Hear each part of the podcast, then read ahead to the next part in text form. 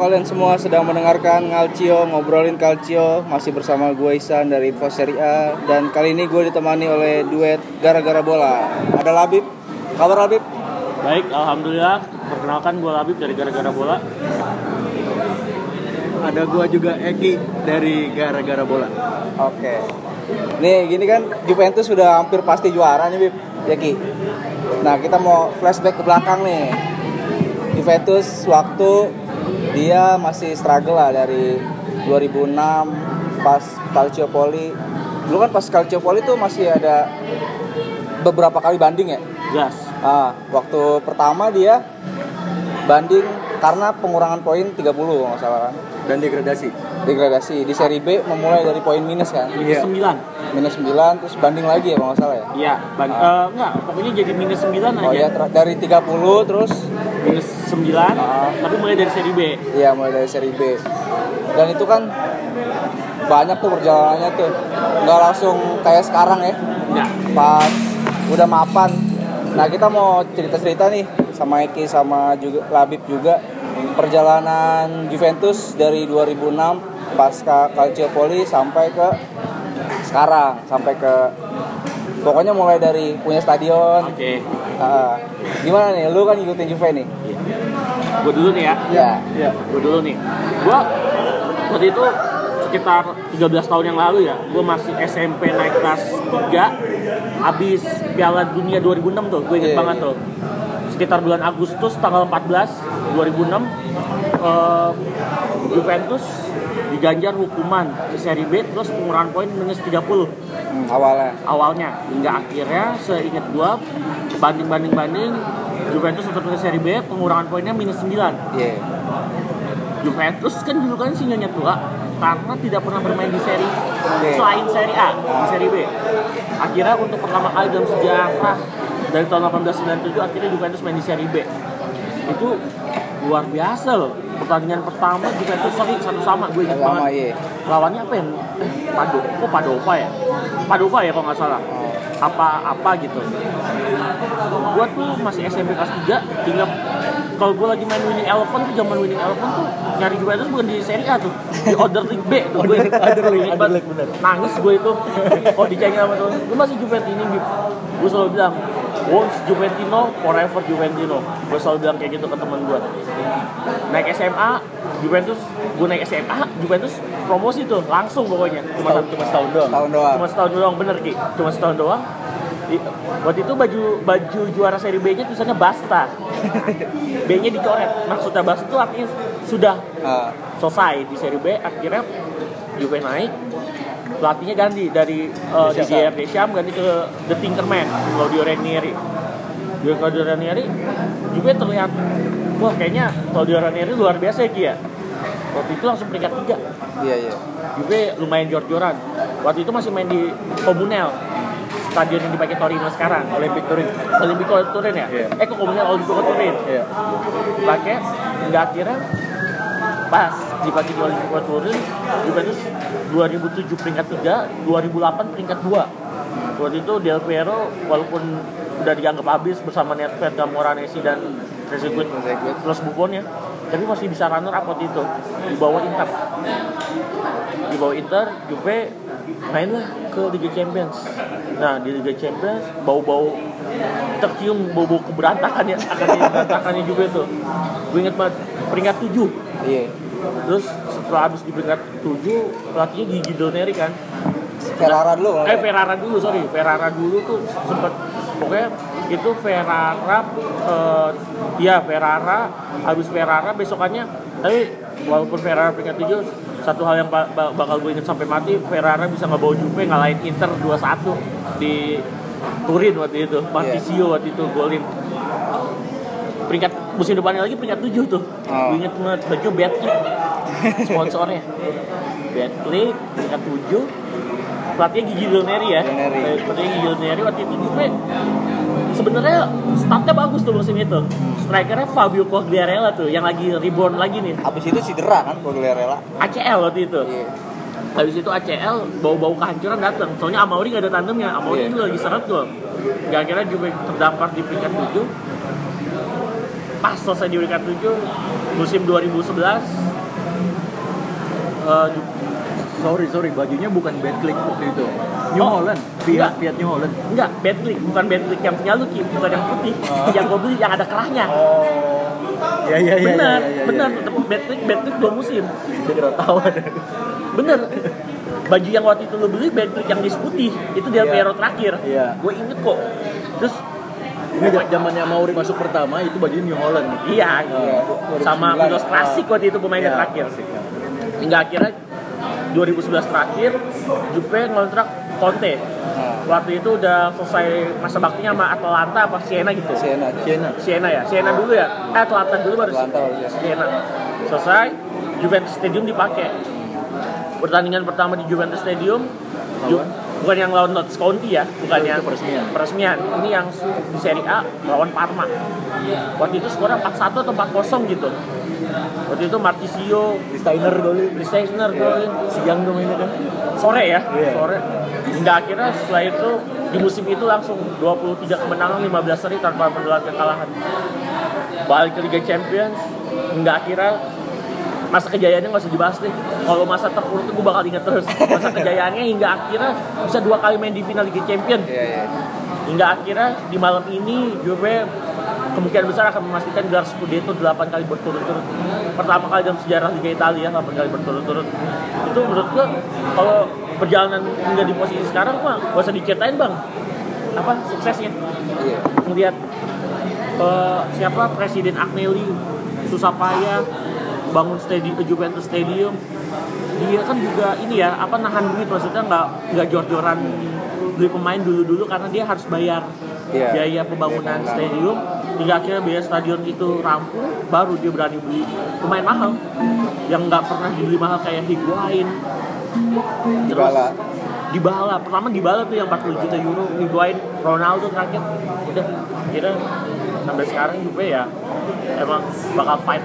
Ya Juve bak DNA nya emang DNA juara di Serie A ya udah kayak gitu aja paling bagusnya Kalau yang gue lihat dari perjalanan Agnelli nih, ketika dia struggle nih ya, dia kan nga- ngajak si Marotta tuh Iya. sama Paratici. Sebelumnya kan mereka di Sampdoria, iya betul ah, bareng sama Del Neri kalau nggak salah. ya. iya betul Del Neri di Sampdoria. Nah, di masa-masa itu kan lu pasti inget nih, Juventus waktu main Liga Champions cuma jadi bulan-bulanan ya kan. Iya. Terus ke sempat Eropa peringkat tiga bahkan di bawah Galatasaray mau Galatasaray terus ke Europa League juga kalah kan. kalau di semifinal Semifinal. padahal finalnya main mainnya di Juventus Stadium tuh Juventus. Nah, kalau yang lawan Galatasaray gue inget tuh stadionnya salju. Sa mending salju salju abis diangkat sama lapangan-lapangannya keangkat juga tuh Itu yang gue Schneider ya? Schneider Schneider. menit 8 78 apa Nah, nah sekarang kan Juve udah mulai mapan lah. Nah kalau gue sih ngeliatnya karena gue ngikutin Serie A nih ya. Ketika Juve Iya udah dong, info seri A, info seri B emang ngikutin Lecce sama Perugia dong. ketika Juve Apa udah lucu-lucunya nih? ketika Juve udah mulai merintis gitu kan, mulai ngebangun, punya stadion, terus perlahan-lahan mulai beli pemain bintang. Di saat itu juga Milan, Inter itu kan lagi peralihan tuh. Iya. peralihan kepemilikan. Nah kalau yang lu lihat dari rival-rival ya, contoh Juve waktu itu big match tuh di Serie B gue inget lawan Napoli. Iya. Karena promosinya bareng. Iya, dan sekarang mereka dua tim ini ada di Seri A peringkat 1 dan 2. Nah itu, kalau lu ngeliat agak mundur ke sedikit dari apa kebangkitan Juve dan Napoli, kira-kira apa sih yang jadi masalah dari klub-klub lain tuh selain punya stadion ya? Kalau yang tadi kan masalah Juve setelah Calciopoli sampai era sekarang itu memang struggle banget ya. Iya. Tadi dia udah diulas lah semuanya sama Labib gitu.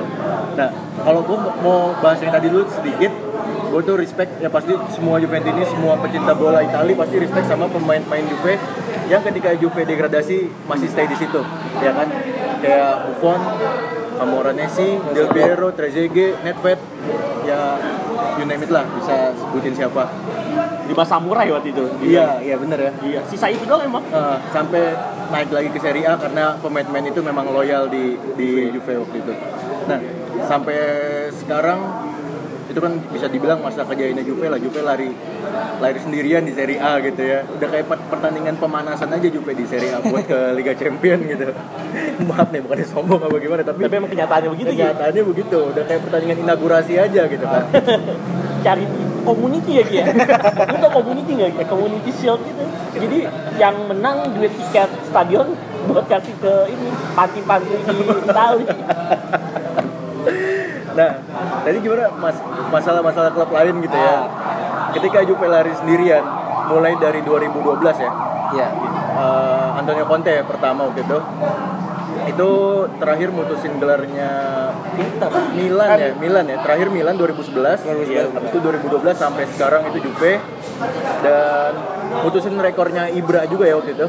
Ibra pertama kali dia nggak juara Liga ya. Iya, Oh iya. Ya waktu itu Karena waktu itu dia di Gila. di Milan, Milan. masih masih di Milan waktu itu. lagi ke Milan. Heeh. nah, yang sekarang sih eh, tim-tim yang kayak Milan, Inter gitu. Milan bahkan lagi ba- susah banget bersaing gitu di Serie A kan. Padahal udah disuntik pemain bagus ya Ki ya. Iya, main bagus. Kayak musim lalu dia beli jor-joran gitu banyak pemain. Jordan banyak. Wah, Sampai ngasal. kemarin dia datengin Piontek. Emang golin 10. Iya. Tapi konsistensi permainannya ke Milan ya parah. Coba Piontek masuknya dari awal musim. Iya, iya, mungkin Genoanya degradasi. Piontek dari awal. Inter, Inter sekarang udah mulai nanjak. Udah mulai masuk peringkat tiga ya kan. Bahkan musim ini udah main di Liga Champion. Tapi sayangnya dia ada ada masalah sama kaptennya, sama Icardi. Itu yang buat mungkin masalah di internal Inter yang bikin performanya jadi Berantakan ya. berantakan setuju nggak?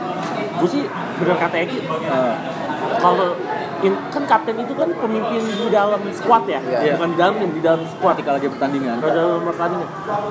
Contoh kayak Buffon gitu. Buffon down, pasti pemain-pemain yang lain ikutan down kemungkinan besar. Beda waktu itu Buffon pernah pernah blunder lawan TC, itu masih ada Del Piero tuh di squad itu. Gua tahu tuh yang dia salah oper kan. Dia salah oper Iya. pemainnya Lece, Heeh. untung ada Del Piero tuh. Iya. Pemainnya, padahal waktu itu juga lagi track-trackan sama AC Milan tuh, Iya. gelar juara. Itu kalau misalnya ada Del Piero, mungkin squad juga down tuh.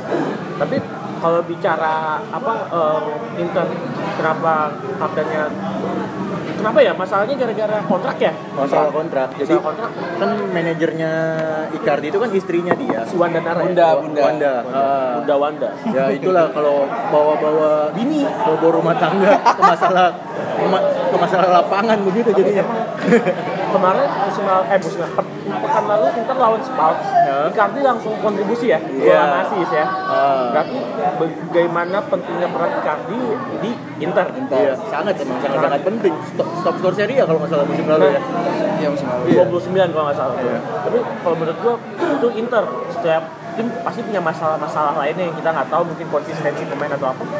Mungkin apa ya? Pemain kalau klub-klub lain mungkin tidak bisa apa ya? Tidak bisa menghandle masalahnya mereka sendiri itu yang jadi masalah. Beda sama Juve yang bahkan pemain-pemain yang baru datang belum pernah main di Juve selalu bilang keluarga di Juve itu kuat.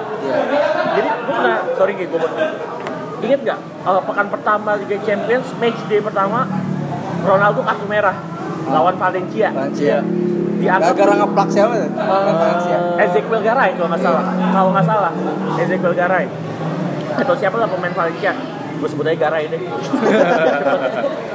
Terus tapi dia bilang kalau di Madrid dia kartu merah dia bakal keluar sendirian dari lapangan ke ruang main kan. tapi di Juve dia dibangunin sama Bonucci, Cielini, Joe Cancelo, sama Pjanic disemangatin udah nggak apa-apa nggak apa-apa nggak apa-apa Ya itu bedanya. Mungkin cara permasalahan setiap tim beda-beda dan mungkin Juve lebih lebih baik sedikit dibandingin klub lain. Ya mungkin juga tahu kali ya ini cara treatment pemain bintangnya harusnya begini nih. Iya, iya. gitu. Jadi ya Ronaldo eh, apa kerasan lah. Di Juve nggak kaget punya pemain bintang gitu iya. Nah maksudnya kan mega bintang saat ini kan siapa gitu. Ronaldo dan Messi ada di Ronaldonya ada di Iya gitu. Nah tadi bukannya mengecilkan Milan sama Inter nih, ini memang dua-duanya memang tim yang punya wah sejarah, panjang, sejarah besar di di Serie A gitu kan. Tapi walaupun terakhir-terakhir mereka belum bisa diperhitungkan gitu ya, karena kalau kita lihat satu dua satu dua selalu Juve Napoli Juve Napoli atau di Ada Romanya Ki. ada Roma Ada Roma. ngeganggu gitu bahkan kan Inter Milan kadang-kadang terlempar ke Europa League bahkan gak main di kompetisi Eropa ya Ki ya Iya. Nah, kalau gue lihat eh, ketika Napoli sama Roma ini udah on track gitu, udah on track di Serie A, dia udah dia punya pemain-pemain bintang, tapi sama dia dilepas. Nah, itu sih. Ah, nah, kayak dulu Roma dia ada Mohamed Salah, Strootman yang terakhir Kevin Strootman, Raja Nenggolan, itu dilepas. Alisson. Becker. Alisson Becker. Becker. Alisson Becker musim ini dia masuk ke Liverpool. Terus eh, kalau Napoli ya kayak Higuain. Higuain Udah paling- Cavani, Hamsik Ham- Hamsik baru musim ini ya. Lavezzi dulu tuh iya. dulu kan digadang-gadang La Ezequiel Il Pocho Lavezzi kan bakal dibilang-bilang the next Maradona saat itu Iya. kan dibilang Iya. karena, Karena- permainannya hampir mirip Ah, apa agility dan ability-nya hampir mirip sama dan postur ya waktu itu apa? Pendek gempal ya mirip sama Maradona tapi ujung-ujungnya cabut juga. dicabut dilempar juga. Itu yang jadi Iya, masalah yang jadi masalah punya punya punya pemain-pemain bintang nggak dijaga ya Ki? nggak dijaga. Mungkin karena tergiur sama ini kali ya? Jutaan euro. Eh, jutaan euro atau gimana gitu kan. Terus juga ya mungkin mungkin itu sih masalahnya kalau Napoli atau Roma masalah nggak ya. nggak ngejaga pemain bintangnya akhirnya dia lepas. Gue setuju sama gue setuju sama gitu kayak bayangin ya Ki.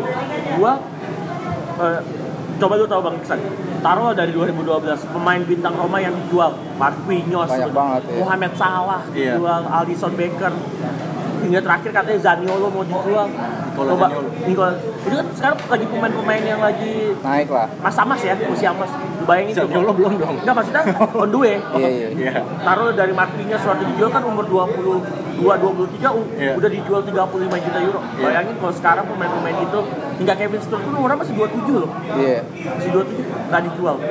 Gua, gua aja kalau ketemu Roma juga deg-degan itu. Iya, Bener, bener. nggak gitu? Eh, Bayangin Zeko, Mohamed Salah sama Gervinho. Pjanic juga. Pjanic ya Pjanic seorang ini ya, apa kalau misalnya di musik itu dia apa? Kalau AGMS itu apa? sih namanya oh itulah Dirijen. Dirijen ya kayak kayak Pirlo lah. Nah itu juga waktu itu jeleknya Milan, salahnya Milan itu melepas Pirlo, free transfer ke Juve dan dia terakhir kembali di Juve waktu itu. perombakan tapi alasannya waktu itu Milan perombakan Iya. soalnya angkatan antena 2007 disikat semua tuh kalau nggak salah di musim itu Bareng. Sidorf, Pensiun. Pirlo, Gattuso. Ambrosini, Gattuso Iya. itu disikat semua Bida ya? Oh iya. abang kipernya Eki. Masih ada tuh Zelko Kalak. Menang gede doang. tangannya pendek. Zelko Kalak. Ya bercanda bercanda. Ya gitu sih paling. Untuk maksudnya tim-tim lain untuk sekarang-sekarang ini peringkat dua itu mungkin sebuah prestasi sendiri lah. Prestasi sendiri gitu udah. Udah udah bisa sampai peringkat dua gitu Berarti pada intinya sebenarnya kedalaman squad ya. iya bisa dibilang Ah, gue kemarin sempat ngepost juga tuh foto yang lu sebutin tuh pemain-pemain Roma pas jaya-jayanya. oh iya AS Roma sebelum Harbolnas. oh tuh hari belanja oleh nasional oh gue sempat lihat gue sempat lihat Iya itu. Itu kalau misalnya sekarang mereka bersaing dengan squad kayak gitu mungkin Juventus bakal keganggu juga kan. bukan keganggu lagi itu the the real contender menurut gua Iya. untuk Juventus sendiri Apalagi sempat dilatih Luis Enrique kan. serem sih Itu gila main bola bola pendeknya kan. serem banget Serem. tiki takanya Iya. emang Itali disuruh tiki taka lelah Tapi ya itu sih penyakitnya bener kalau misalnya klub-klub Roma, Napoli ketika dia di pemainnya digoyang dikit aman Ah. jutaan euro dan Euro udah cabut. Nah ini sebenarnya yang agak menarik juga ya buat gua di Juventus. Juventus itu kan Chiellini gaji cuma tiga setengah juta.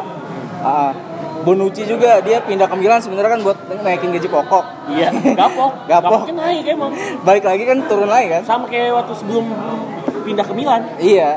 Ah, terus banyak yang menurut gue pemain-pemain di Juve itu mereka sebenarnya lah kalau di klub lain pasti gajinya lebih besar lah. banyak Nah tapi mereka tetap ada di situ dengan gaji ini dan mungkin karena yang dibilang tadi kekeluargaannya kali ya. iya Dan kadang-kadang kan juga kebahagiaan bukan diukur pakai gaji juga Ah. ngangkat piala setiap musim nah itu dia tuh. Makanya siapa kemarin yang bilang Oh iya, Sturaro, Sturaro gelar gelar Scudetto nya lebih banyak dari Totti. Sesni yang ngomong ya. Padoin, Padoin tiga, King Padoin. King Padoin tiga apa empat gitu. Bedner aja pernah dapat Scudetto loh. Oh iya, sama Anelka. Sama Anelka, foto bareng. Nah itu Juventus tuh manajemennya sebenarnya kalau dibilang ada kesenjangan nih di Serie A ya.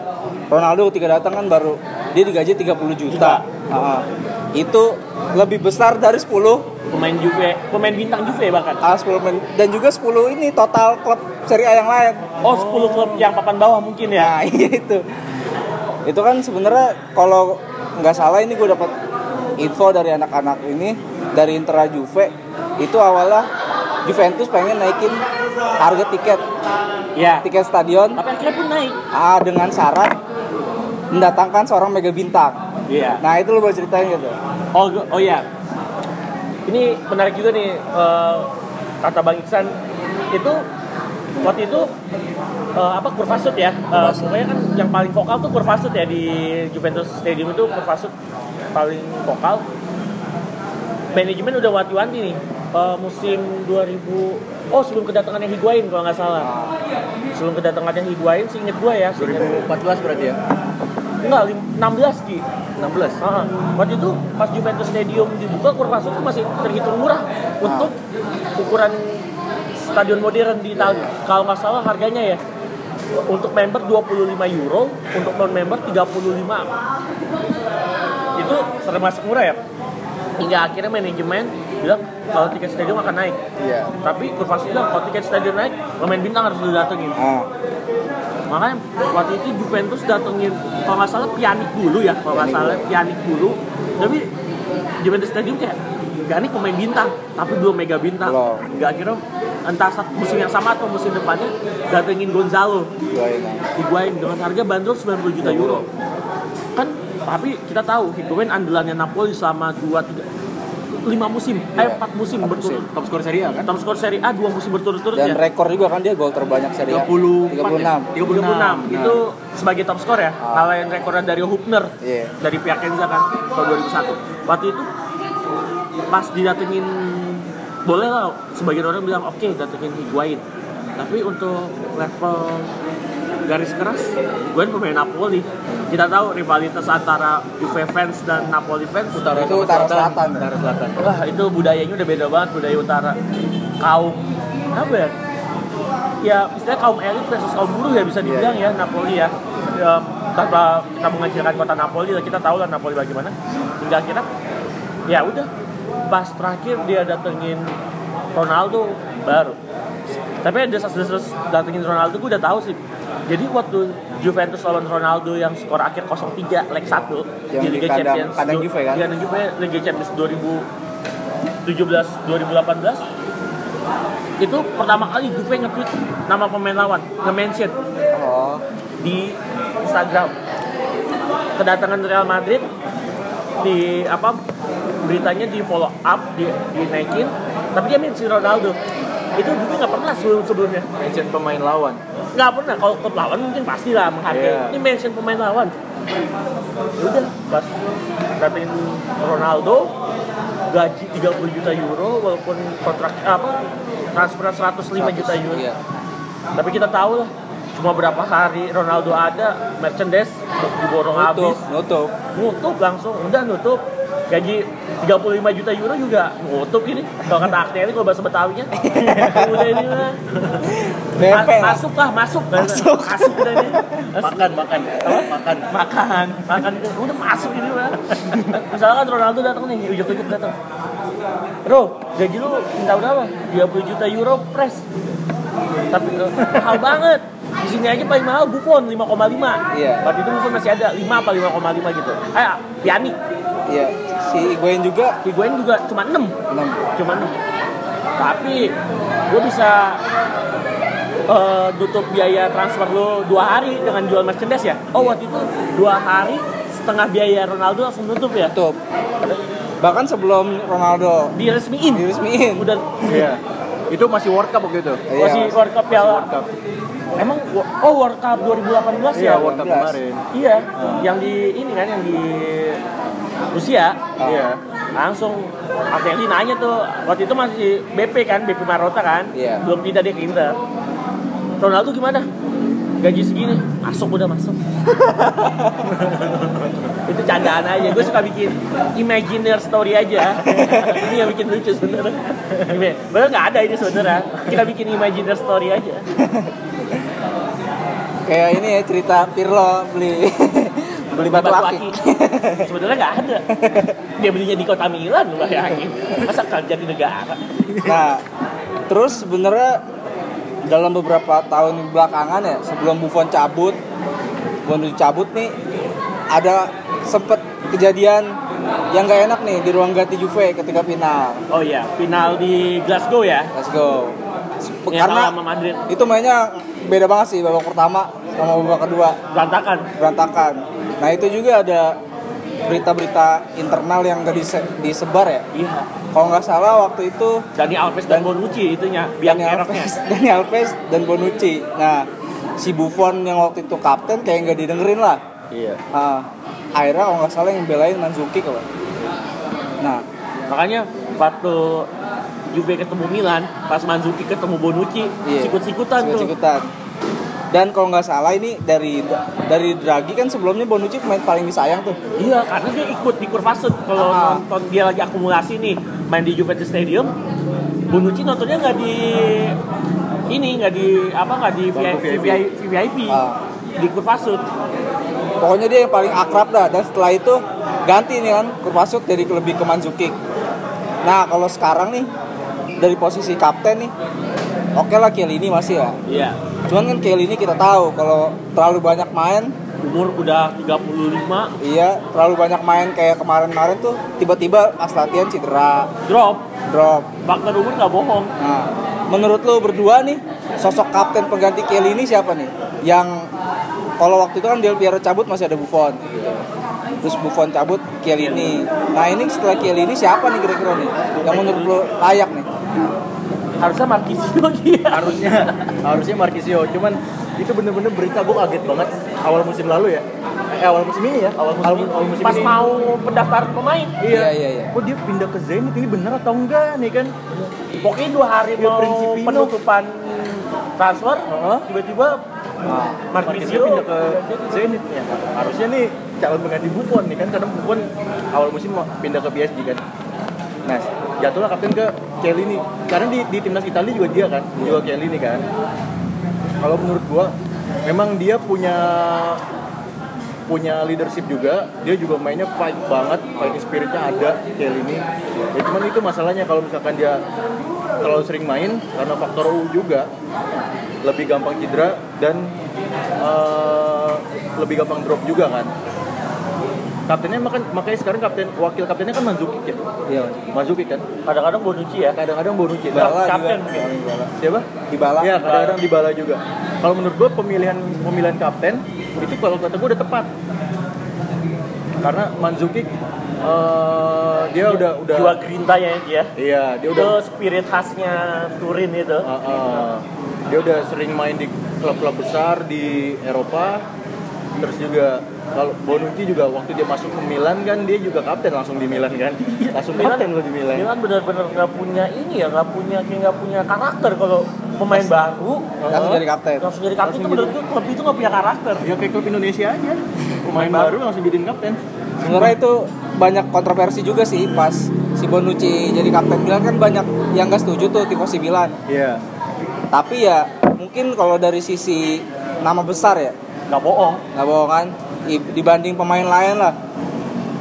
Nah kalau si Manzuki kita tahu dia main di Bayern Munchen terus Atletico dan kemarin mimpin Kroasia Sampai final. sampai final meskipun kaptennya Modric ya. Dia wakil kapten waktu itu. Iya wakil kapten tapi Dan dituakan menurut gua. ah, pengaruh Manzukic tuh gila lah kalau buat main-main lain. Bahkan diganjar kontrak baru hingga 2021. Ah. Baru tiga hari yang lalu apa empat hari yang lalu? Nah ini kan kemarin juga si pas Kroasia ditinggal Manzukic tuh Goyang. goyang. Goyang, bisa Ah. goyang. Nah tapi oke lah Manzukic oke, oke dalam segi leadership. Leadership. Ah, tapi dia kan bukan orang Italia. Iya. Nah Juventus belakangan ini nih Juve Italianya udah berkurang nih. Iya. Iya. Gimana lo penilaian lo? menurut gua apa yang dipikirkan manajemen mungkin udah visioner ya Eh, kan Juve waktu itu suka dibilang Juve Italia karena Juve pasti selalu memberikan pemain-pemain terbaiknya ke timnas timnas dan Juve selalu ciri khas saja mentransfer pemain terbaik di negeri pizza yang bisa ditransfer untuk main di Juventus kan Iya. tapi Bahkan kadang baju W-nya tuh baju biru. Oh, Karena iya. Itali banget gitu di Juve. baju W-nya Ju- Juve ya beberapa Iya, kali ya biru beberapa ya kali biru. waktu itu pernah tuh yang New Holland, New Holland biru, Biru. Yang Jeep juga pernah ada yang biru kan yang masih zamannya Pogba. Pogba iya ada Iya. tuh yang biru tuh dulu biru tuh pas juara Champions 96 biru Sony. Sony Iya. biru merepresentasikan Italia waktu itu ya Benar, benar, benar. Mbak, kalau balik lagi ke Juve Italia, eh, ba- bagus ya. Maksudnya kalau Juve memberikan pemain terbaiknya ke timnas Italia. Eh, menurut gua progresnya sekarang Juve ke timnas Italia pemainnya udah bagus, udah banyak lagi nih. Dari apa yang dibawa sama Roberto Mancini. Eh, dalam turna apa pertandingan internasional du, dua tiga international match week itu juga juga udah banyak tuh. Contoh kiper Matteo Perin selalu dibawa. Iya. walaupun toh kipernya Gianluigi Donnarumma Matteo Perin ada di line up. Terus backnya juga Sciglio bahkan eh, Bonucci ya Bonucci Leonardo Spinazzola, Spinazzola kemarin panggil Bernadeschi Bernadeschi hingga terakhir Moiseken nih yang bakal pecah nih. Ini kalau misalkan attitude-nya bisa dijaga, kalau masalah kualitas gue aku aku Iya, akuin. Di usia segitu jarang, Jarang. main punya kualitas. Itu mah umurnya masih 19 tahun mah, umur 24 lagi pecah-pecahnya. Iya. Asal satu attitude dan emosinya bisa dijaga. Tapi gue lihat sih sejauh ini attitude dan emosinya bisa dijaga terlepas dari sindiran kasar Rasis. supporter rasis dari supporternya Cagliari itu menurut gue tuh terbesar itu. Mungkin setiap pemain mana pun pernah rasain rasain dan tapi Moise kan nggak ngambek ya Ki ya? Iya. dia membalasnya dengan satu gol. Langsung selebrasi depan ultrasnya Cagliari tapi kan sempat ada keributan ya dengan Bonucci dan Moise Ken ya? Iya. Harusnya menurut gue sih Bonucci tidak memberikan statement kayak gitu. statement seperti itu. Nggak nggak sepatut dan selayaknya. Karena Bonucci nggak pernah di posisi Moise Ken karena Moise Ken akhirnya dibela sama Balo sama Raheem Banyak. Sterling. Banyak lah pemain-pemain uh, berkulit hitam ya di Eropa. Di Eropa. Bahkan Balo bikin statement kalau Bonucci satu tim sama saya. Saya langsung pukul. Kalau kalau Teli ada di situ waktu itu. Oh iya kalau saya ada di situ ya saya akan pukul mukanya. Ya karena ya melihat pemainnya juga ya emang Juve sempat hilang tuh Juve Italianya tuh. Hingga Bahkan- kita nggak lolos Piala Dunia ya. Iya. Hingga sekarang pemain-pemainnya Sciglio pun yang cadangan di Juve dipanggil. Nih, kalau ngomong-ngomong Juve Juve Italia di di Serie A, tuh, berisik lagi tuh. mau lanjut Waktu 2012 itu gue inget Juve ngedistribusin pemainnya ke timnas Italia itu di starting paling banyak. Banyak. Ada tujuh kalau nggak salah. Di, di Starting ya? starting di, se- di, di 11 tujuh itu pemain Juve. Kan waktu itu masih masih 352 kan. Hmm. Juve waktu itu pakai 352 tuh 352, Juve 352, timnas Italia juga 352. Siapa aja sih? Buffon, Barzagli, pelatihnya waktu itu Prandelli ya. Prandelli Kan dari kiper Buffon, tiga- pokoknya itu lini belakang tuh Juve empat, Juve. empat Juve semua. Bonucci, Barzagli, Chiellini, tengahnya itu Pirlo, Marchisio. Marchisio, sama Giaccherini. oh iya di ya Tujuh. Sisanya itu dari klub lain. tapi Giaccherini nya line up Giaccherini line up tujuh. Pokoknya waktu itu ada ada meme yang bikin jadi foto timnas Itali eh, mau main gitu. Tapi yang pemain Juve nya pakai baju Juve. Gitu. Sisanya pakai baju Itali semua. Kan waktu itu strikernya kalau nggak salah Balo Casa Balotelli Casano ya, apa di Natale gitu. di gua Natal lupa. ya nah itu kan mungkin kalau gue lihat justru di Italia sekarang kan regenerasinya kurang nih. Sebelum eranya Mancini. Ah Mancini. Mancini mulai percaya sama Moise Moiseken terus Zaniolo kayak gitu dia udah mulai dipanggil. Cuma Barella ya yang lagi Ah. naik gitu. yang kemarin-kemarin itu mungkin ya kita nggak usah sebut lah pelatihnya si Ventura. Janganlah itu. Bilangnya dosen. Nah itu kan banyak. Karena sebenarnya kalau gue lihat ya kualitas dari pemain Serie A apa Itali timnas Italia sendiri itu waktu itu juga pernah dibahas bareng sama anak-anak football five star itu regenerasinya emang kurang. Enggak kayak Spanyol. Ah, karena karena Spanyol juara. Ya Piala Eropa karena kalau kita ngelihat filosofi permainan Spanyol dari junior U berapa atau di klubnya lah kayak Barcelona terus Madrid mereka itu polanya udah kebentuk filosofi bermain yang sama ya. Pilo udah kebentuk terus pas di timnas ya udah tinggal terapin aja kan Hmm. nah di Itali kemarin tuh jomplang banget karena ketika misalnya seorang Lorenzo Insigne nih dia seorang apa Winger. winger terus ada lagi tandemnya Immobile misalnya atau Belotti gitu kan terus dia misalnya main dua striker Insigne tuh nggak pernah loh dipasang dengan dua striker. Gak pernah. ah pasti kan Napoli kan main 4-3-3 kayak gitu. 3-4-3 ya Ah, Napoli ya. banyak lah pokoknya pemain Itali yang nggak main sesuai dengan posisi dia lah. Iya. nah kalau lihat sekarang di era Mancini nih mungkin masa depannya udah mulai kelihatan nih atau pola permainannya udah kebentuk. Bahkan si Mancini bilang ini udah masuk era Italia yang modern nih karena udah main position football kayak gitu-gitu. Dan dengan tiga lini kalau kalau yang paling world class mungkin gelandangnya Jorginho, Verratti sama Barella lah. Iya. Nah, dan kalau Nico ngeliat Barella, gue potong dikit. On the way world class lah menurut gua. Iya. Asal pindah klub. Ah, iya, itu kan gaya mainnya beda nih. Kayak Verratti sama Barella itu kan gaya mainnya udah beda. Nggak kayak dulu Montolivo atau si Aquilani. Aquilani. Thiago Motta.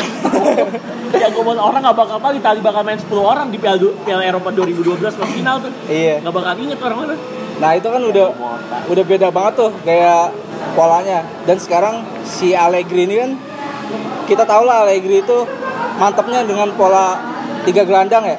Iya. Ketika dia main tiga back kadang ngaco juga. Nah kan. Lalu yang lu lihat di timnas Italia nih dengan materi sekarang nih udah on track atau belum? Kalau ngeliat timnas Itali, eh, sebenarnya tadi kan lu sempat singgung-singgung dikit masalah Spanyol ya, yang pemain-pemain muda. Itu gue sempat ngeliat Italia ada progres nih ketika masuk final U21 waktu itu. Ah. Oh, itu, Spanyol 13 kan. ya. Angkatannya ini, 2013. Borini. Borini, Insigne, Borini, Immobile. Immobile. Immobile, Verratti, ya kan. Terus Mattia Destro. Mattia Destro Eh, ya. itu striker bagus loh. Iya. Tapi backnya nggak terkenal semua tuh Biragi. Iya. Iraki ya bener bener bener. Nah itu gue ngeliat wah ini cerah nih Itali kelihatan nih. Terus tapi Spanyolnya memang waktu itu udah pemain jadi semua ya. Udah, Juan Mata Kes. Juan Mata deh ya. Terus Isco? Isco. Isco. Isco, Thiago Alcantara ya kan memang udah udah pemain jadi semua. Itali kalah di final. Cuman kata gue, gue ngeliat wah ini eh, World Cup 2014 Itali punya squad seger. Mungkin ini umurnya bisa panjang nih. Bahkan sampai nanti di World Cup 2018 gue gitu bilangnya bilangnya dulu ya. Bahkan di World Cup 2018 ini pemain bakal bakal matang semua nih. Harapannya. harapannya. Ternyata realitanya di Kaget. 2014 begitu. Ah. nggak lolos grup. Di 2018 bahkan nggak main di Piala Dunia gitu kan. Ya tadi lu udah sebut lah pelatihnya itu. Nah kalau gue ngeliat yang sekarang itu benar-benar Mancini kerja keras merombak total dari kegagalan. Ya kita sebut kegagalan ya Italia Iya. gagal lolos ke Piala Dunia 2018 Mancini benar-benar kerja keras merombak total squad ini. Dia panggil lagi pemain-pemain yang apa namanya kayak Kelini, Bonucci. Ya Quagliarella lagi. Quagliarella dibawa lagi. Balot ini Balo bahkan waktu itu coba, di- golin. debut lagi ya. Debut lagi dan dia golin. Lawan Arab ya. Lawan iya benar lawan Arab Saudi. Jadi pemain-pemain yang udah punya track record track record bagus di timnas Azuri dibawa lagi sama Mancini dan dia bawa bawa pemain yang sekiranya eh, udah udah memasuki ma- tahap apa ya bisa dibilang calon-calon bintang nih di di, di Serie A. Yang tadi lu bilang kayak eh, siapa?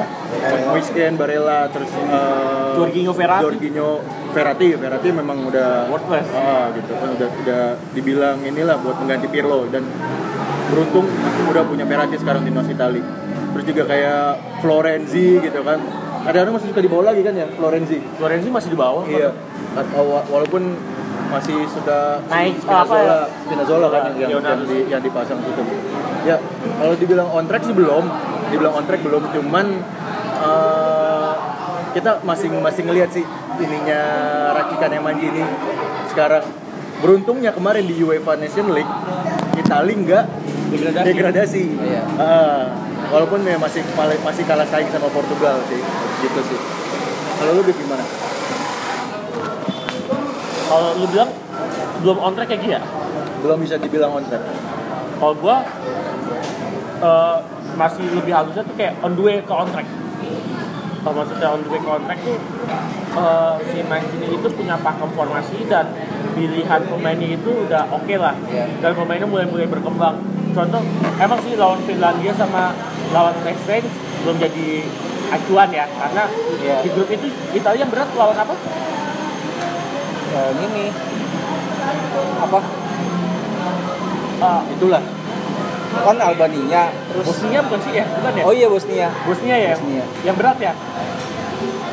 Italia melawan Bosnia.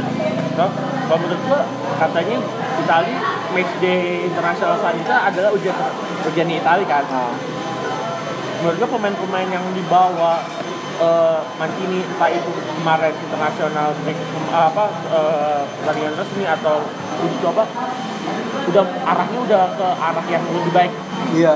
Iya, iya. bener ya Benar, benar, benar. Eh, arah-arah kegelapan era-era kegelapan yang Giampiero Ventura Cesare Prandelli bisa dibilang penutupannya ini gagal loh di Iya, iya. 2014 2014. walaupun di 2012 dia ngasih silver eh, medal buat Italia tapi penutupannya jelek Ventura hancur mungkin yang bisa dibilang agak lebih baik cuma Antonio Conte saat itu. Iya. ya eh, balik ke siapa?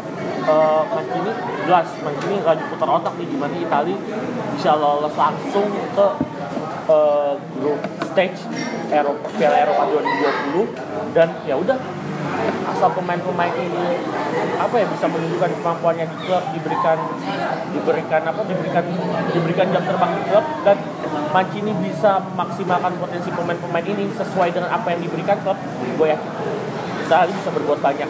Tapi nggak sekarang ada nanti.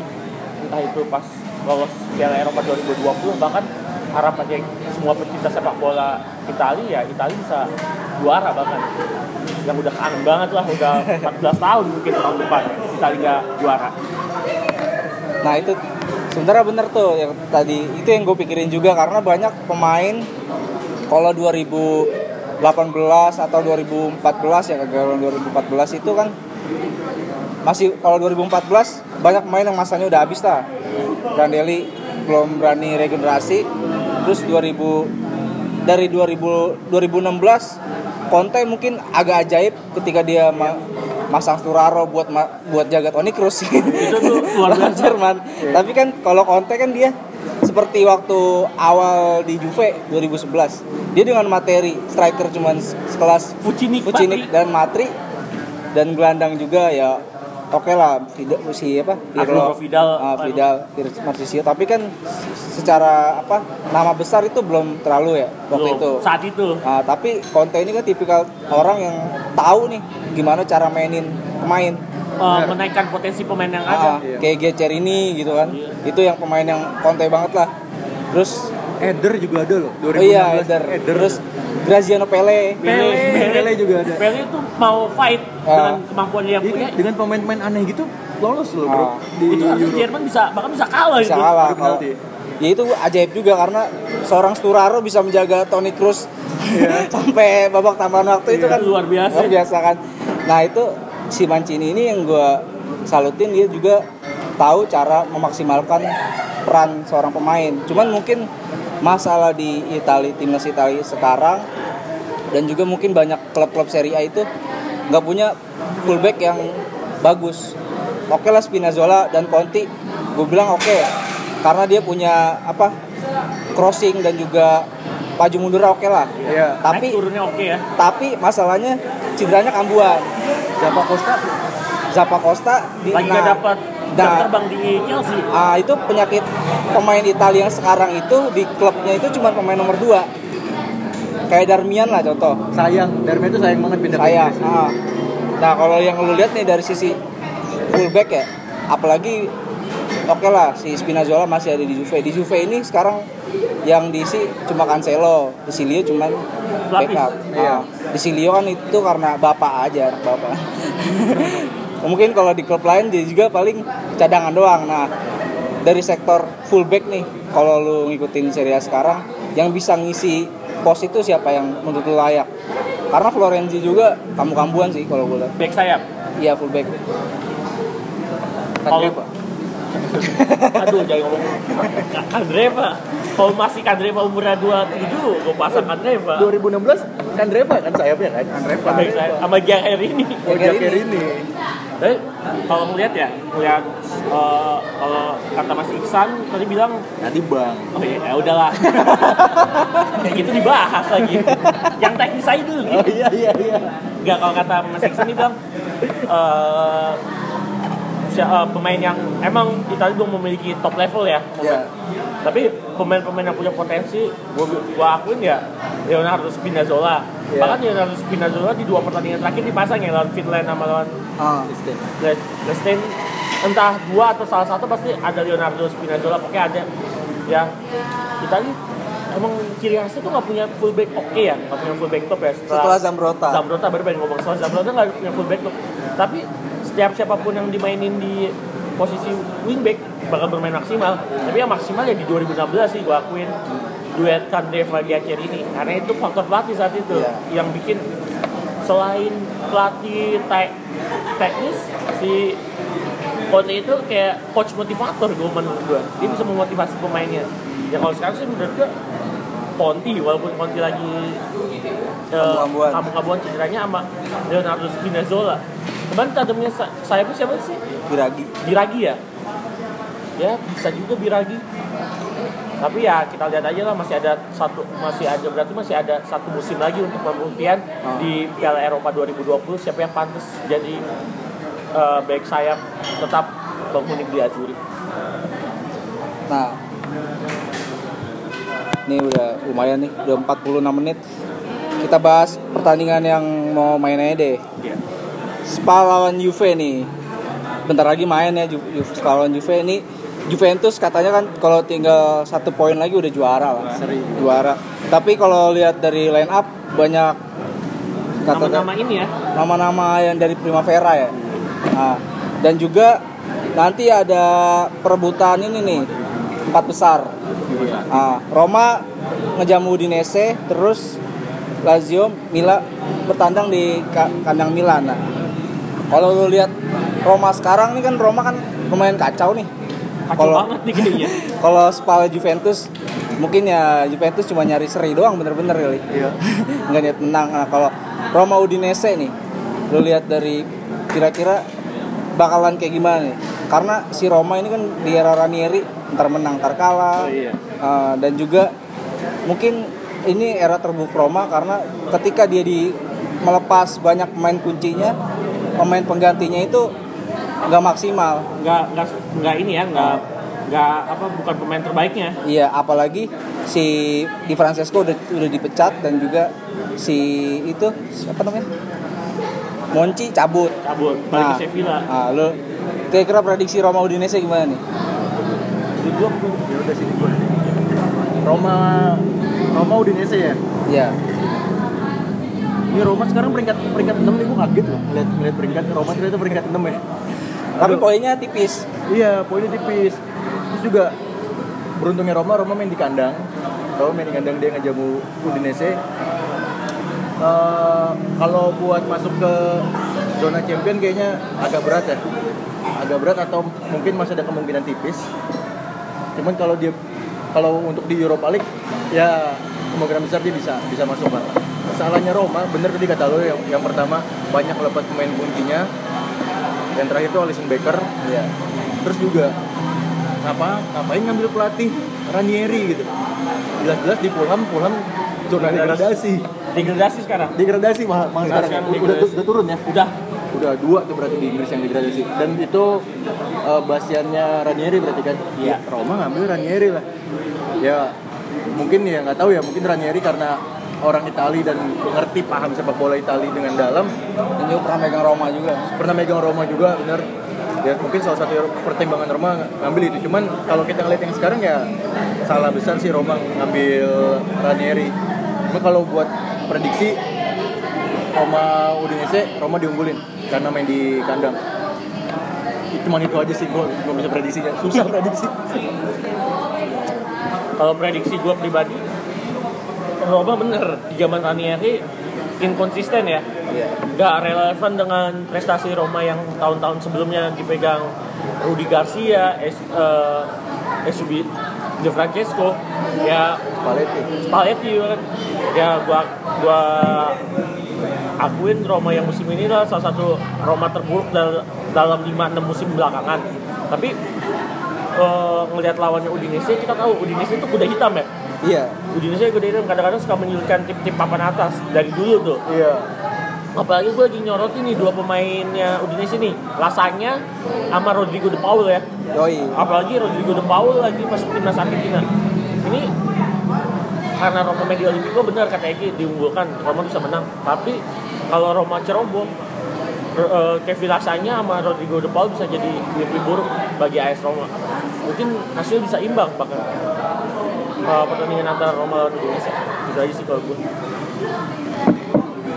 Karena nih kejar-kejaran di zona champion sama Europa League sengit nih. Tuh. Selisihnya cuma satu-satu. Terus yang mengage- mengagetkan di musim ini mungkin Atalanta ya. iya Nah kalau yang gue lihat dari Atalanta nih dia agak sedikit mencontoh Juve. Atalanta itu 2000 berapa ya yang kena masalah pengaturan skor? Ya ada, dia Ada, dikurangin, tapi nggak banyak dikurangin poinnya. terus dia itu kan sama kayak Juve waktu itu dia juga ma- masih masa pembangunan stadion tuh. Iya. Dan sekarang udah punya stadion sendiri dengan materi pemain. Menurut gua nih Gian Pero Gasperini nih gila juga iya ah, menjadikan seorang Hatebur, Derun kayak gitu-gitu jadi dipanggil timnas Belanda. Dulu timnas Belanda ya. timnas Belanda. Belanda. Terus Timothy Kastanye panggil sama timnas Belgia. Nah itu Kaptennya Papu Gomez. Papu Gomez. Dan juga dia menggunakan formasi langka 3412 kayak gitu. Udah langka sekarang. Ah, dengan Papu Gomez sebagai pemain nomor 10 yang ya tugasnya ya udah pemain nomor 10 gitu kan. Fantastika. yang udah jarang gitu. Terus ada pertandingan Milan Lazio nih. Lazio punya satu laga ini simpenan lawan Udinese tapi mau nggak mau dia harus menang lawan Milan. Dan Milan pun harus menang.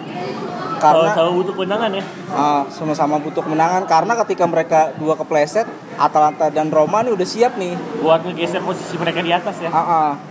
apalagi Milan juga dalam tiga pertandingan terakhir kalah ketika habis derby terus lawan Sampdoria kemarin juga kalah lawan Juve. Gimana prediksi lo nih? Milan Lazio Kalau menurut gue ya, Lazio kan sekarang di zona lagi ngejar bermain di kompetisi Eropa ya. Iya. Dia di bawah AS Roma kalau nggak salah posisinya peringkat 7. tapi punya satu pertandingan pun? Iya, punya pertandingan sa- eh, satu ini ya, eh, delay eh maksudnya pertandingan yang belum dimainkan. one game in hand Iya, on game in hand biasanya. Sama AC Milan lagi di peringkat 4 ya. Empat. Tapi nggak aman peringkat Iya. 4-nya. karena poinnya sama sama Atalanta Poinnya sama Atalanta sama Roma cuma beda dua kalau nggak salah. Iya. Apa satu gitu, pokoknya beda sedikit. Ini Gennaro Gattuso cuma bikin statement kayak gini nih. Lazio, saya menghadapi Lazio, saya persiapkan timnya sama sama halnya seperti saya menyiapkan AC Milan lawan Juventus. Berarti dia nggak nggak berubah nggak ngerubah dan dia nggak ngeremehin Lazio sedikit pun. Iya. Ini mainnya di kandang Milan. Milan. Walaupun Milan lagi kalah, tapi dukungan supporter San Siro menurut gua bakal jadi nilai tambah buat kekuatan AC Milan nanti lawan Lazio. Ya menurut gua AC Milan lah menang. Lazio sulit untuk menang di ini, apalagi Lazio juga performanya inkonsisten ya. Iya. Jadi, dia terakhir menang di San Siro tahun 89 nah, sekitar 20 tahun yang lalu, eh, 30, 30 30 tahun yang lalu Terakhir menang di San Siro lawan AC Milan ya. iya sulit sulit kalau bicara dari sejarah eh, kondisi tim belakangan terakhir sebenarnya sama-sama sulit. Tapi Milan sedikit pede lah. Iya. kemarin lawan Juventus dia bisa memberikan perlawanan yang sengit. Terus, kalau gue sih ngelihatnya Milan nih mau nggak mau harus harus ngejaga peringkatnya gitu supaya main di di Liga Champion. Karena satu satu dua tiga empat nih. Juve Napoli Inter sama Milan. Itu wah kangen banget sih ngelihat ngelihat itu main di main main wakil-wakil Italia di Liga Champion ya. Ya dia mau nggak mau memang harus kerja keras buat pertandingan lawan Lazio dan pertandingan pertandingan pertandingan berikutnya supaya dia nggak kesalip sama Atlanta sama Roma. Karena ngelihat Atalanta nih dia tim tersubur kedua di Serie A kan ya Iya. Atlanta setelah Juve kan Eh, bahkan Atlanta dulu apa? Atalanta lebih banyak Atlanta lebih banyak dari Juve Iya. oh bah- bahkan Atlanta tim tersubur di Serie A kan Iya. tapi kebobolannya juga lebih banyak kebobolannya Banyak. Ke- ke- kebobolan juga banyak karena dia emang karena dia, dia attacking Iya, mainnya bener-bener main nyerang. Ya menangnya menang besar, 4, kebobolan 3, menang 3, kebobolan 2. Kayak gitu Atlanta. Terus juga strikernya kan masuk jajaran top skor kan? Si Iya, Zapata. Dufan Zapata. Dufan ya? Oh, Dufan Zapata itu Milan harus wanti-wanti Atlanta juga dan dia harus benar-benar ngejaga peringkatnya sih. Peringkat 4 dia bisa main di Liga Champions. Tapi dengan catatan playoff dulu.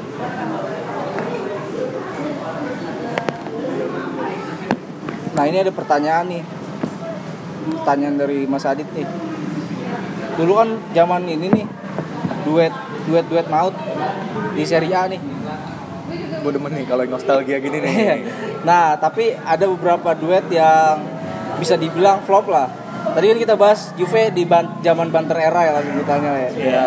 Terus ngerekrut Diego Ribas dan Melo Sama eranya Bl- Blank sama Seko Gimana menurut lo di era itu? Siapa sama siapa? Oh, Se- Seko Seco oh iya. Si ada si Seco ya? Iya itu lucu sih kalau Juve Banter era tuh Diego Ribas Felipe Melo terus ada Old Melberg Terus Almiron, Miron Tiago Tiago Tiago 30.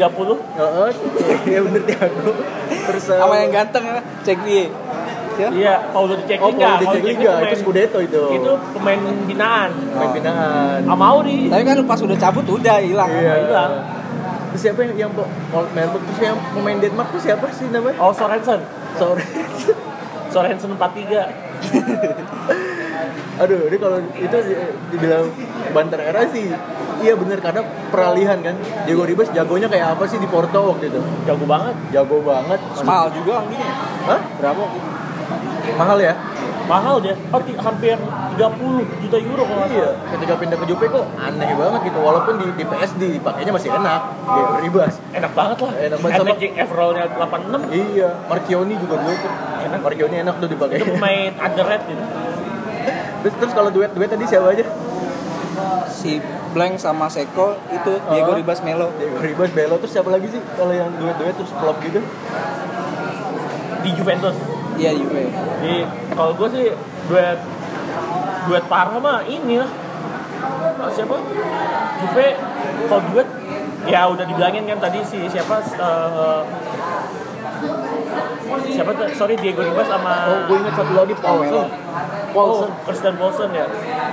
Kalau gue sih waktu itu dua pemain yang digadang-gadang bagus ya, tapi di Juve hancur banget padahal lebih mahal.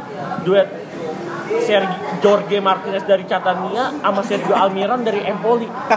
Jorge Andrade. Enggak ada bagus di Depor, ya? lagi cedera aja. Emang kena tipu tuh. Jorge Martinez dia kadang-kadang nih salah satu winger terbaik di Serie A tuh. tapi itu belum Marota tuh ya belum, Belum. masih Seko itu.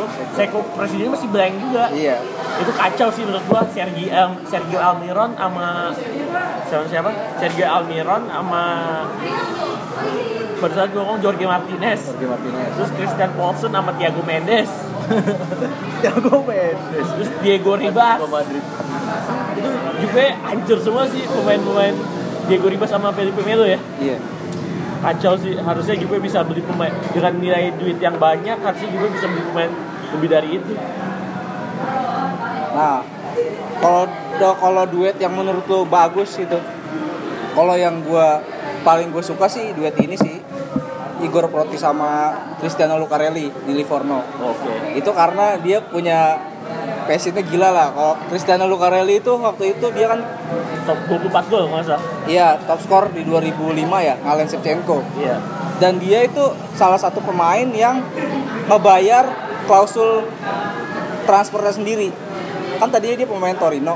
Iya. terus dipinjemin ke Livorno. Torinonya tuh mau ngambil dia balik tapi dibayarin sama dia sendiri karena dia kecintai sama Lucarelli sama Livorno karena dia ini ya eh, klub lahirannya ya klub kelahiran dan itu satu-satunya klub di Italia yang menganut paham komunis Iya. nah dan dia juga kalau Lucarelli entah itu Cristiano atau Alessandro yang di Parma itu loyalitasnya gila emang buat bisa gua. diakuin emang Nah. dia komunis emang bener paham komunis diterapkan Iya. sama kehidupan mereka sosialis lah. Iya. Nah ini itu menurut gue ya Igor Proti sama si Lucarelli. Kalau Igor Proti itu dari ketika gue awal nonton Serie A itu kalau nggak salah ya AS Bari ya Iya, itu salah, salah satu pemain selain Hubner yang top skor di tiga kompetisi di Itali, Serie C 1, Serie B sama Serie A.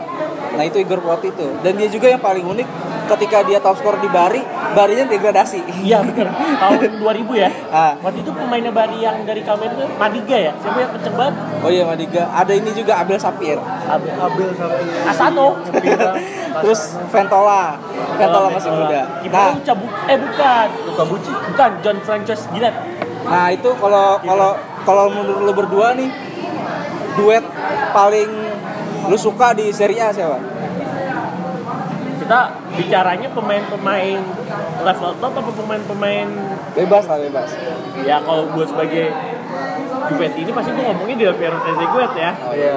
itu udah pasti banget tapi menurut gue yang pemain yang bisa dari papan bawah atau klub-klub yang semenjana tapi bisa nunjukin kualitasnya ya ini gue ini gue hmm, Udin, ini gue Udinese Muzi sama Birok. bukan museum sama Pirop di Natale Oh, sama tandemnya di Natale siapa? Quinta. Ya Quinta sebelum pindah ke Juve iya. di Natale kan pindah dari Empoli 2004 2005an ya itu luar biasa juga tuh di Natale ya Quinta Sempat ada Sanchez juga kan? Alexis Sanchez kan tambahan doang tuh Ah.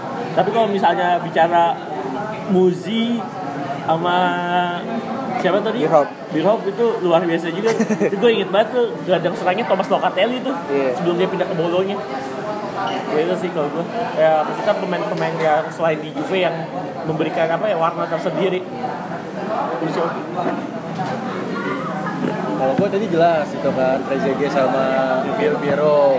Terus juga sebenarnya yang ngeri tuh ya waktu Milan bener-bener ini banget sampai sampai juara champion 2007 tuh ya pakai formasi 442 4-3-1-2 43 4312 diamond itu. Tengah. Nah. Itu duetnya siapa?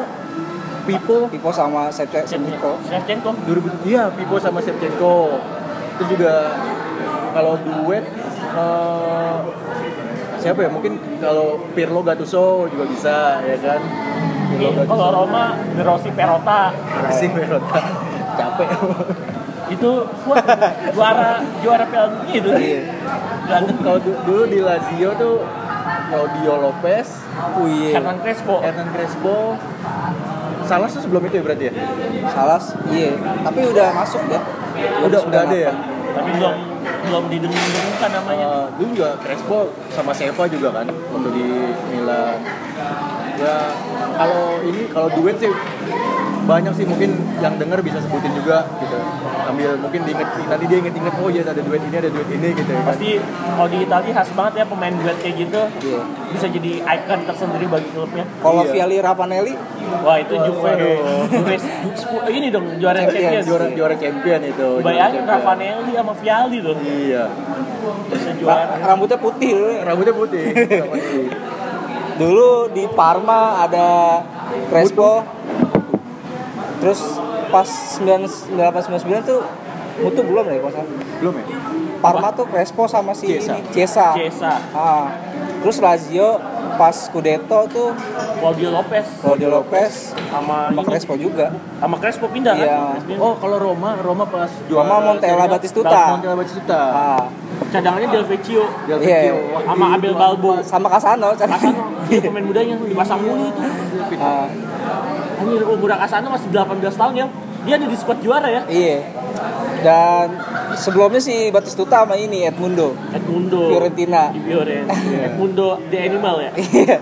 Cuman sayang Edmundo kalau nggak salah waktu itu sebenarnya Fiorentina udah bagus tuh peringkat tiga. Terus si Edmundo kalau salah ikut pesta apa apa gitu. Sampai Batistuta ngambek tuh. Akhirnya Fiorentina jeblok habis itu pas akhir musim itu sayang banget sih.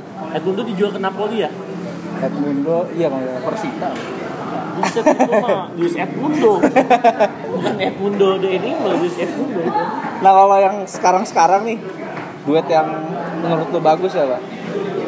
kalau Kalau yang musim eh, sekarang-sekarang ini. Ah, pokoknya nggak usah dari sekarang lah dari era 2000 mungkin setelah kalau di Juve mungkin setelah si Del Piero Trezeguet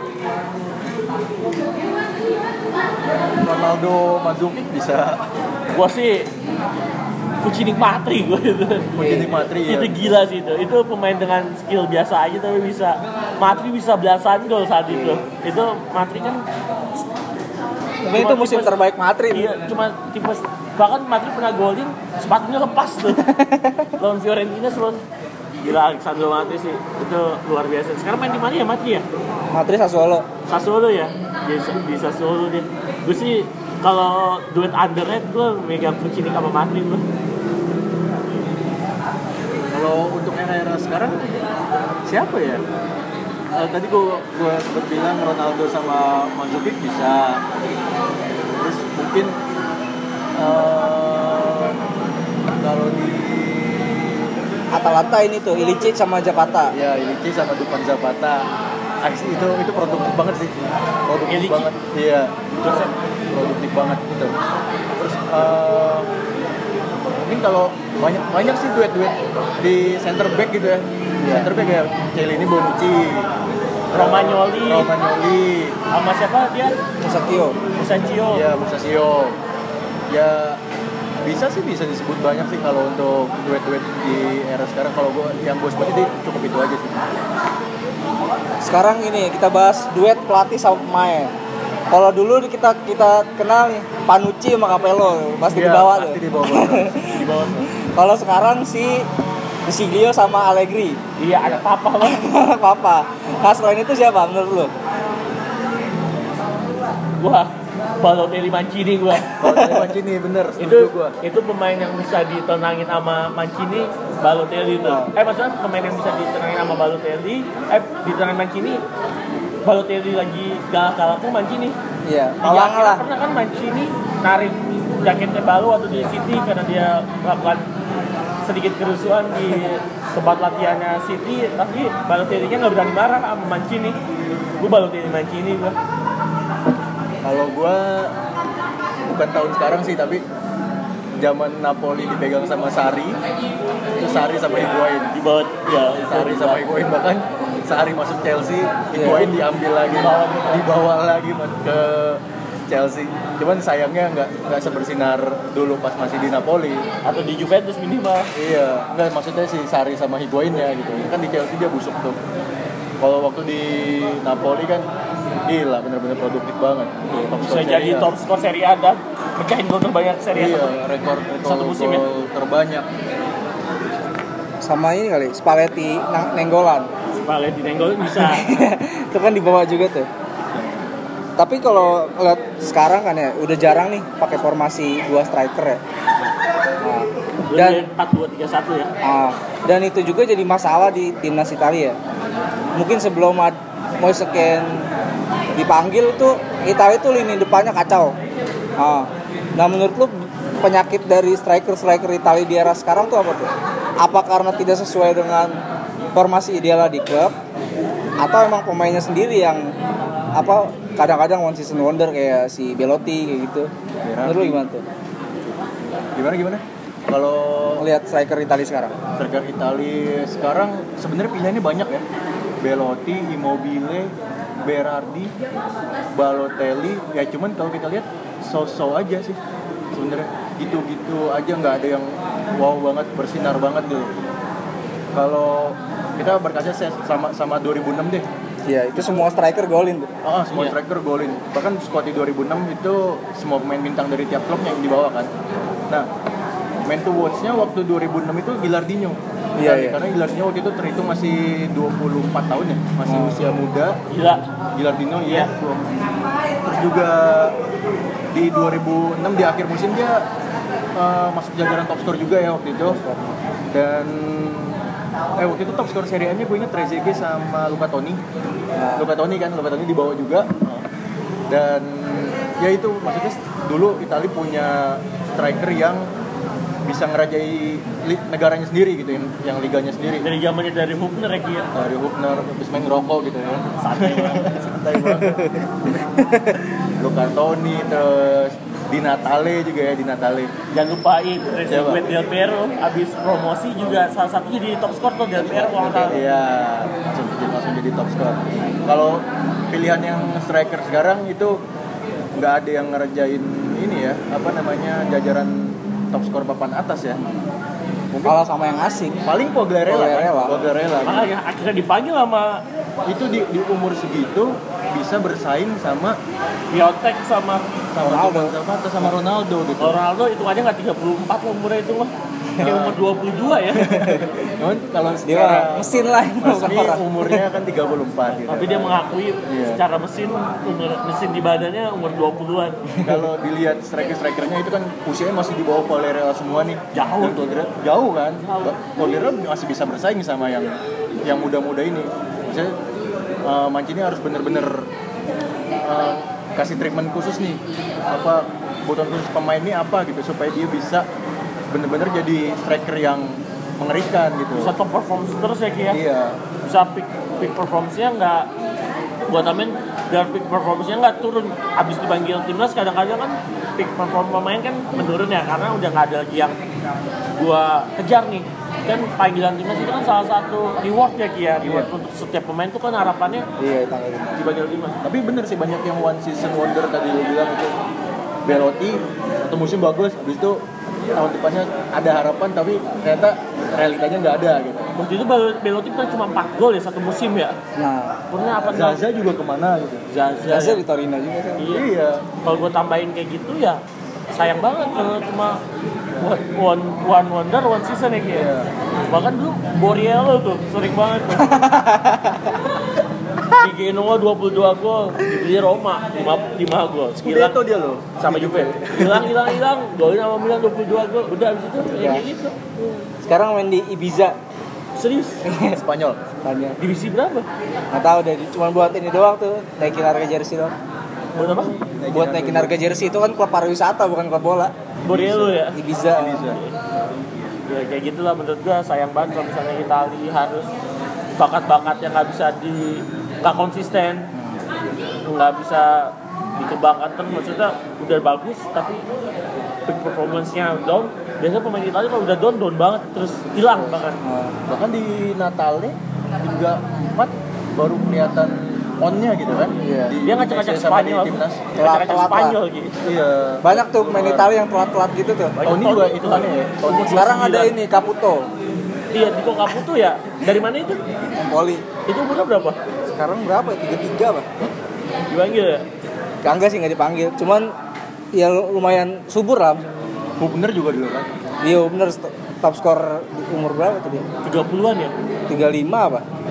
ya gitu Oh, itu itu sih kalau bicara soal striker Itali kayak apa namanya ya di umur mudanya jarang nemuin peak ininya peaknya gitu mungkin Gilardino yang tadi gue bilang ya itulah uniknya Itali pemain tua malah jadi Nah, lebih bagus dibandingin pemain muda ada harapan di Berardi sebenarnya waktu itu Belotti juga Belotti Immobile juga. Immobile Immobile bisa dibilang performa di klubnya sama di timnas tuh jadi banyak kritikan tuh. Bahkan banyak tifosi yang bilang udahlah mendingan kayak Kevin Lasanya kayak gitu-gitu yang dipanggil Pavoletti. Pavoletti itu tipikalnya kayak si ini Graziano Pele. Leonardo Pavoletti ya Cuman jago di bola-bola atas doang. Enggak tapi punya punya kemampuan khusus Ah, ah. Tapi kadang-kadang kalau pelatih jeli ya, kayak waktu itu Conte lah contoh. Conte itu manggil striker yang nggak bisa dibilang world class tapi sesuai dengan perannya kan. Kayak Eder terus Graziano Pele kayak dia gitu-gitu. tahu memaksimalkan potensi pemainnya Ah. Nah mungkin Mancini ini bisa memaksimalkan kalau yang gue lihat sekarang cerah sih. Mungkin kalau dia pakai formasi 4-3-3 ya. Di depannya itu Chiesa, Bernadeschi atau Ken. Ah boleh. Kalau misalnya Zaniolo tuh lebih ke gelandang serang ya gelandang serang. Mungkin kalau pakai 4-2-3-1 Zaniolo bisa. jadi A, jadi SS ya Ah ya yes, yes. tapi biarnya emang terlihat makin ke sini makin jadi pilihan pertamanya Ah. karena dia mau ngelayanin Ronaldo Nah itu. Terus kalau kita lihat apa striker yang sekarang nih mungkin apa karena taktiknya yang udah bergeser. Jadi kalau kita lihat Giroud kan di Piala Dunia dia bukan target man kan. dari pemantul dia Ya cuma buat pemantul doang. Kayak gitu tuh jadi masalah. Tapi kan di Itali kita tahu sendiri mereka itu tuntutannya gede ya. Kayak striker dua pertandingan atau tiga pertandingan nggak dikritik udah eh nggak golin langsung tuh kritik banyak. Ah.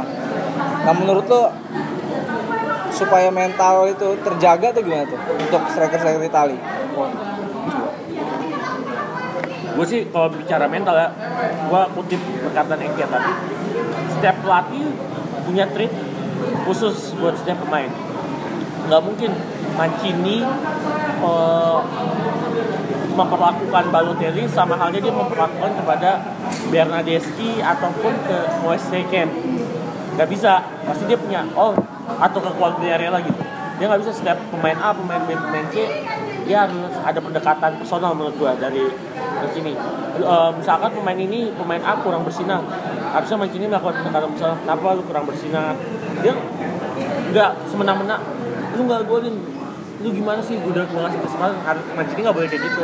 Apalagi kita ini banyak ini ya banyak pertandingan eksibisi match ya. Jadi di situ eh, menurut gua Mancini bisa eh, apa ya benar eh, melihat kemampuan langsung dari pemain itu. Yang kurang Quagliarella apa yang kurang Ken apa yang kurang atau mungkin Bernardeschi bisa maksimal di mana Immobile kan juga dipasang mulu ya kayak gitu man gue lihat duet Immobile Ken kayaknya cocok tuh Lumayan. lumayan lah bisa memberikan angin segar untuk performanya Itali di ke depannya. Eki ada tambahan nggak? kalau untuk bicara mental eh, ya ben- setiap pelatih itu punya cara masing-masing gitu buat apa namanya ngurusin pemain lah ngetritkan pemain nah eh, mental itu kan terasa kalau pemain itu dapat jam terbang makin banyak ya. Iya. Ah, sedangkan ya mungkin di, di masing-masing klub mereka jam terbangnya udah udah udah terhitung banyak lah udah terhitung banyak kalau kalau di klub. Kalau di timnas kan capsnya semuanya rata-rata masih sedikit kan. Mungkin yang yang udah terhitung banyak ya kayak Chiellini gitu ya. Bonucci. Atau kalau Romagnoli juga bisa gitu. Nah yang yang selebihnya yang selebihnya ini capsnya itu masih sedikit berarti kan jam terbang internasionalnya masih terbilang sedikit juga. Beruntungnya Italia punya pelatih eh, yang punya banyak pengalaman, yang punya trofi banyak juga gitu. Roberto Mancini. Ya, mungkin Roberto Mancini ini dia dia ngerti lah gimana caranya ini mental pemain harus dibuat kayak kayak gimana nih gitu. Bahkan kalau misalnya kita bicara Balotelli, Balotelli itu kan tadi kita bilang dia ngikut terus sama Mancini kan. Mancini selalu bawa Balotelli gitu. Nah, Balotelli ini eh, pemain yang bisa dibilang apa ya usil gitu ya. Nakal, Heeh, jahil, jahil. heeh. Balotelli ini bisa kelihatan comeback kalau dia udah kena kartu merah kalau gue ngeliatnya gitu. Enggak, kalau dia udah di ini ya, kalau dia di apa? Heeh. Kalau dia udah ditegur ya. Iya. Kayak di main di Liga Prancis tuh dia di OCG Noi ya. Sekarang di Marseille. Sekarang di- Ah, sekarang di Marseille kan. Waktu dia di Noi itu dia gue lihat dia comeback nih karena dia udah golin 7 pertandingan beruntun waktu itu kalau nggak salah. Dan kalau dia kena kartu merah. Wah berarti Balotelli is back gue ngeliatnya gitu nih. Ya cuman yang buruk-buruk itu yang mencoreng karirnya itu yang benar-benar harus dikurangi bener sebenarnya kayak gitu sih nah kalau yang senior itu kan ada Quagliarella juga ya Quagliarella dia jam terbang internasionalnya udah udah lumayan banyak Tapi itu solusi jangka pendek sih. Iya, kalau si jangka pendek bener. Yang jangka panjangnya itu yang tra- dari striker-striker yang udah kita sebutin. Pemain gitu sih. muda yang harus bisa dikembangkan terus apa? Kayak gua akuin ya, Itali Quagliarella kan cuma satu tahun lagi lah paling lama. Menurut gue ya kayak sebut aja Immobile, Belotti, Berardi, hingga Ken harus dijaga nih empat striker ini. Gua gua harap bisa memberikan yang terbaik buat timnas Italia. Pasti bisa lah.